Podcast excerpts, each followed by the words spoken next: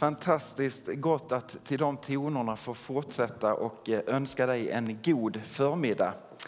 Eh, så här mitt i gudstjänsten där vi får eh, ta emot av, av Guds tilltal och Guds berörande till ande, kropp och själ. Det är min bön och vår önskan för, för oss här och för dig var du än befinner dig och, och delar gudstjänsten med oss. Vi har haft några veckor där vi har följt ett tema som utgår ifrån eh, de tio budorden. Orden som Mose fick ta emot på Sinai berg. Guds tilltal som, som gavs honom, men inte bara till honom utan som gavs till folket, Israels folk, men också till hela mänskligheten. Tio Guds bud. Tar vi bibelordet i sin helhet så är det en, en skrift som är sammanställd av många människor, skriven av många människor under väldigt lång tid. Och ändå så kan vi säga, för Guds ord själv säger det, att de här människorna har varit inspirerade av Gud själv, den heliga ande, så att man faktiskt kan också tala om Bibeln som just Guds ord, Guds tilltal. Gud hade i sanning sitt finger med i spelet när han gav oss den här skriften. Men när budorden gavs så hade han sitt finger med på ett ännu mer tydligt konkret sätt. I alla fall om vi får lyssna till Mose egna ord. Och vi kan läsa i femte Mosebok 9 och 10. Där säger eh, Mose så här och beskriver den här situationen. Herren gav mig de två stentavlorna på vilka Gud med sitt finger hade skrivit alla de ord han uttalade när vi var församlade vid berget. Och Herren talade till er ur elden. Gud skrev med sitt finger. Här är en hälsning från himlen, från Gud själv, som han har fått skriva med sitt finger. Och då tänker jag, det här måste vara oerhört viktigt. Vad är det som ligger på Guds hjärta och som är så viktigt? Och så får de ta emot de tio budorden. Skrivna och givna för så länge sedan, men ändå säger jag, de är giltiga än idag. Men på vilket sätt? Hur ska vi förstå dem? Hur ska vi ta, ta till oss dem? Och visst, i, i många stycken så är ju vårt rättsväsende mycket byggt på de här orden och på de här reglerna om man säger så. Men ändå står de där i Gamla Testamentet, skrivna och givna för länge sedan. Egentligen så borde det väcka en fråga i oss. Hur ska jag se på bibelordet? Hur ska jag se på, på Gamla Testamentet? Hur ska jag förstå när Jesus han undervisar med hänvisning ofta, ofta, om och om igen till Gamla Testamentet? Är det här giltigt för oss idag? Lyssnar vi på Jesus själv så säger han ju så här att jag har inte kommit för att liksom upphäva lagen utan för att uppfylla den. Och han säger den gäller. Men i ett annat perspektiv så har de gamla lagarna och gamla förbunden på något sätt spelat ut sin roll för oss att ta oss till Gud. Många kan lätt hamna i den här tanken att om jag bara skulle hålla lagen och skulle jag bara leva ett fromt liv och liksom någorlunda sträcka mig efter det som är Guds tanke. Men så vet jag, att jag klarar inte hela vägen. Och så tänker jag att ja, men Jesus han täcker upp för mig för den där lilla sista biten som jag inte klarar av själv.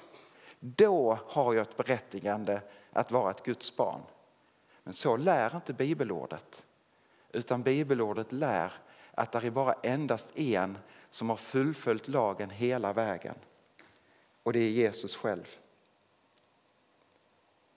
Genom att Jesus kunde hålla lagen under våra premisser, under en människas förutsättningar, så öppnades den vägen till Gud som endast den som håller lagen äger. Så det är bara en endaste i hela tillvaron som äger den där vägen tillbaka till Gud och det är Jesus själv. Så han täcker liksom inte upp bara för det som vi inte lyckas hålla utan han täcker upp för hela livet med allt vad det rymmer. Lagen den är giltig och den behövs. Och man kan säga det i lite olika perspektiv och Luther han talar ju om lagens tre olika bruk och, och så betonar han detta att lagen är given för att vi behöver hjälp att hålla ordning i samhället. Det är många som menar att människan är alltigenom god. Eller någon annan har en tanke om människan att, att människan är helt neutral och så påverkas man av sin omgivning och så formas vi till någonting. Bibeln förklarar tydligt att vi som människor, vi är skapta av en god Gud. Och vi är skapta med fantastiskt goda egenskaper. Därför kan vi säga att varje människa har enormt många goda egenskaper. Vi är skapta till Guds avbild. Vi äger någonting av det som är Guds väsen i sig självt. Samtidigt så beskriver Bibeln att ända sedan syndafallets dagar så har vi någonting annat i oss som har satt sin rot som vi inte blir fria ifrån. Någonting som drar oss bort ifrån Gud. Arvsynden och synden som, som gör att, att det där brottet med Gud blir en konsekvens för varje människa. Så vi har de här två polerna i oss. Och så tänker jag så här att det är märkligt att egoism fortfarande finns. Att ondska fortfarande finns när mänskligheten har levt så länge och borde ha lärt sig efter att trampat i klaveret om och om igen. Men så är det som att vi, vi fortsätter göra det.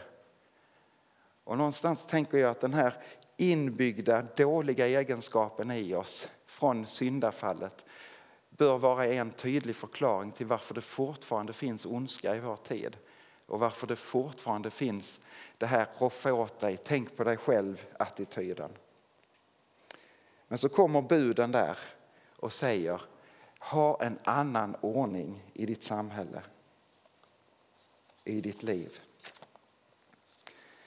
Men lagen ligger där också för att driva oss till Kristus, att peka på honom. Jag tror att många skulle hålla med om att till stora delar, om vi kanske lyfter bort de två första buden i budorden, så är det som allmängiltiga råd till mänskligheten. Och de flesta människor skulle säga ja, det här stämmer, det, vi ska inte stjäla, vi ska inte döda och så vidare. Om vi skulle säga att de flesta människor håller med om det, om det är som allmängiltiga liksom, spelregler för oss, så måste vi också säga att det finns något som är rätt och något som är fel. Och det innebär då att vi förr eller senare kommer att möta någonting som skapar skuld i våra liv. En känsla av skuld. Och vad är det som frambringar den känslan om den nu kommer? Då tror jag att vi alla bär på en, en kompass inom oss. En kompass som, som eh, vi kan kalla samvetet en väckarklocka i oss som säger du, du ska inte slå in på den här vägen. Du ska inte göra så här. Och jag är väl medveten från mitt eget liv att det där samvetet det kan vi dämpa och det kan vi försöka strypa eller liksom plocka bort. Och det är kanske också så att vi förstör det genom att liksom återkommande göra samma fel, mer eller mindre. Men det ligger ändå där som en väckarklocka och säger du här blev det fel. Och så skapas behovet av att möta en förlåtande Gud. Jag upplever skulden i mitt liv. Men är det då en som har hållit lagen och som öppnar vägen så är det så oerhört viktigt att få komma till honom och lagen driver oss dit. De flesta av de här buden bygger ju på negationer. Du ska inte, du ska inte. Men när Jesus han sammanfattar lagen så gör han det med två stycken du ska istället.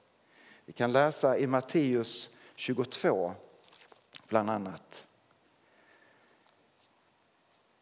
Då är det en man som kommer till Jesus och frågar Mästare, vilket är det största budet i lagen? Och Jesus svarade honom Du ska älska Herren din Gud med hela ditt hjärta, med hela din själ och med hela ditt förstånd. Detta är det största och första budet. Sen kommer ett av samma slag. Du ska älska din nästa som dig själv. På dessa båda bud vilar hela lagen och profeterna. Så sammanfattar Jesus lagen med två stycken. Du ska älska Herren din Gud och du ska älska din nästa som dig själv. Vid ett annat tillfälle så kommer en ung man och frågar Jesus, vad ska jag göra för att vinna evigt liv? Och så säger Jesus, håll lagen. Du ska inte stjäla, du ska inte dräpa, du ska inte begå äktenskapsbrott och så vidare. Och han säger och betonar, lagen gäller. Men så är vår erfarenhet att vi inte kan hålla den, vi når inte fram. Och den driver oss till honom som kunde hålla lagen. Kanske är det det Paulus tänker på när han skriver i Romarbrevet 10 och 4. Kristus är slutet på lagen så att var och en som tror kan bli rättfärdig. Kristus är slutet på lagen, han är den som fullbordar lagen. Så jag skulle vilja säga till dig, precis som Jesus sa till den här rika ynglingen, håll lagen. Och det innebär håll dig till Jesus. Lagen vill peka på honom. Så kan vi då få landa i det där åttonde budet som är dagens tema. Du ska inte bära falskt vittnesbörd. Du ska hålla dig till sanningen. Jag vet inte vad som tänds i din tanke eller liksom när du hör detta. Du ska inte bära falskt vittnesbörd. För mig så blir det, jag älskar sådana här gamla, eller de behöver inte vara gamla, de kan också vara nya filmer eh, som utspelar sig i, i en rättssal med advokater och jurister som klurar och så ska det liksom mejslas fram en sanning.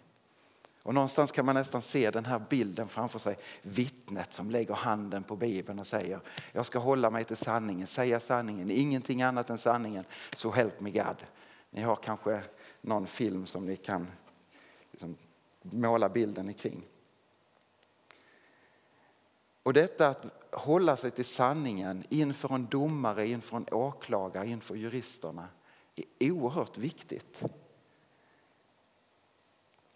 Att inte hålla sig till sanningen kan fälla en annan människa riktigt, riktigt grovt. Och därför så finns det också ett annat brott som är förknippat till detta, nämligen mened.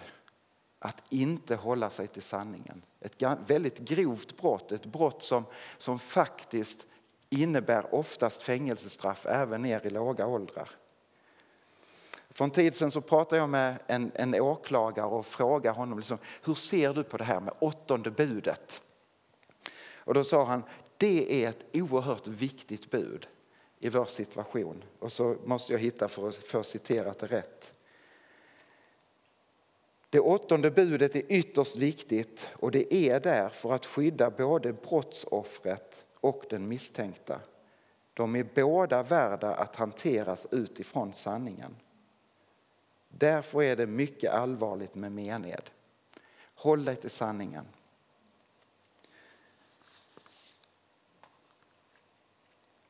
Men det här åttonde budet kan ha fler bottnar. Vi uppmanas att hålla oss till sanningen. Och Det kan hamna i mer vardagliga situationer än, än att vi hamnar i en rättssal och står inför en domare eller en åklagare. Håll dig till sanningen när någon frågar dig om råd. Håll dig till sanningen när du talar om andra. Tänk så lätt det är att förstöra för en annan människa genom att börja sprida en lögn eller kanske till och med en halvsanning. Det kanske är en människa som har väldigt svårt att hitta tillbaka för att vi målar en bild som inte är sanningsenlig. Så jag skulle säga att det åttonde budet gäller på väldigt, väldigt många plan, på ett vardagligt plan i, i vår tid också. Du ska inte bära falskt vittnesbörd. Men om vi lyfter det här åttonde budet på ytterligare ett plan och låter det drabba oss väldigt, väldigt personligt så skulle jag vilja fundera på hur är ditt vittnesbörd inför Gud? Hur talar du med Gud om dig själv? Jag vet inte om du känner igen dig i den här bilden. En bild är ju bara en bild naturligtvis. Men många gånger så, så talar man om våra liv som bestående av många olika rum. Jesus använder ju också det här när han ger det profetiska ordet till Johannes i Uppenbarelseboken 3 och 20. Se, jag står vid dörren och knackar och bultar. Om någon öppnar så vill jag stiga in och hålla måltid med den personen. Ett löfte från Jesus själv att han vill stiga in i våra inre rum. Men så är det kanske inte bara ett rum i det här huset utan det finns kanske fler rum. Min erfarenhet är att det är också de rummen som vi inte vill visa för någon. Som vi knappt kan släppa in den som vi lever närmst med. Kanske vi kan skapa oss mod att gå till en präst och till, till en biktfader eller en biktmoder och bara få lägga av och erkänna och ta emot förlåtelse. Kanske ett rum som upplevs som ett skrymsel i källaren som inte bara bär känslan av skuld utan kanske också känslan av skam. Hur är mitt vittnesbörd inför Gud kring det rummet? Är jag villig att också släppa in Jesus i det innersta rummet? För han fortsätter att knacka, inte bara på husets ytterdörr utan också på de inre dörrarna. Där kan jag vara ärlig inför honom. Men det är så lätt att bära ett falskt vittnesbörd också där och egentligen så ljuger jag bara för mig själv. Hur talar jag med Gud om mitt liv? En Gud som ser mig rakt igenom, känner alla mina skrymsel och vrår. Känner allt som ligger bakom det att jag upplever skuld men också bakom allt det som får mig att känna skam. Och så står han ändå kvar med en, en hopplöst, nej den är inte hopplös men jag bara tänker på Thomas Ledin, jag är hopplöst förälskad i dig. Jesus säger det om ditt liv. Jag är hopplöst förälskad. Jag ger aldrig upp. Jag står kvar. Ibland så, så kan man höra det här om att kyrkan är en dyster plats. De går bara där. Det är inte så mycket bevänt med mig. Det är bara elände. Och så kommer syndabekännelsen där i gudstjänsten som ett liksom markera, trycka. Du är ingenting annat än en arm syndare, fattig syndare. Men vi äger, som vi sa tidigare, enormt goda egenskaper i detta att vi är skapta till Guds avbild. Men vi bär också dragen av behovet att be om förlåtelse. Och att be om förlåtelse är, i min värld i alla fall, inte något som tynger utan något som befriar. Jesus står kvar, Gud själv står kvar och älskar mig och säger jag vill förlåta för det är vägen till ett helt liv med Gud. Håll dig till sanningen. Om du är en normalt funtad människa så har du behov av detta. Håll dig till sanningen. Jesus han säger att ni ska få lära känna sanningen och sanningen ska göra er fria. Samtidigt så säger han, jag är vägen, jag är sanningen och livet, vägen till Gud. Ingen kommer till Fadern utom genom mig. Vilken fantastisk inbjudan att få lägga sitt liv där. Det kan storma runt omkring. Det kan vara liksom enormt kaotiskt. Och jag får inte ihop det med mina perspektiv. Och jag kan tycka jag håller inte, jag håller inte, jag faller om och om igen. Men så kan jag få bara få stämma in i den här bönen. Håll mitt hjärta. Håll mig Gud. Och bönesvaret är garanterat ifrån himlens Gud. Jag håller dig i min hand. Jag omsluter dig på alla sidor. Och när du kommer och bär ett sant vittnesbörd för mig så gensvarar jag på det vittnesbördet med min förlåtelse, med min omsorg, och med min nåd som är var morgon ny. Jag bara önskar dig allt gott i din vandring med Herren. Ska vi be tillsammans. Kära himmelske far, tack för att vägen till dig är öppen. Tack Fader för att du har kommit till oss på ett sådant sätt så att vi faktiskt får lära känna sanningen.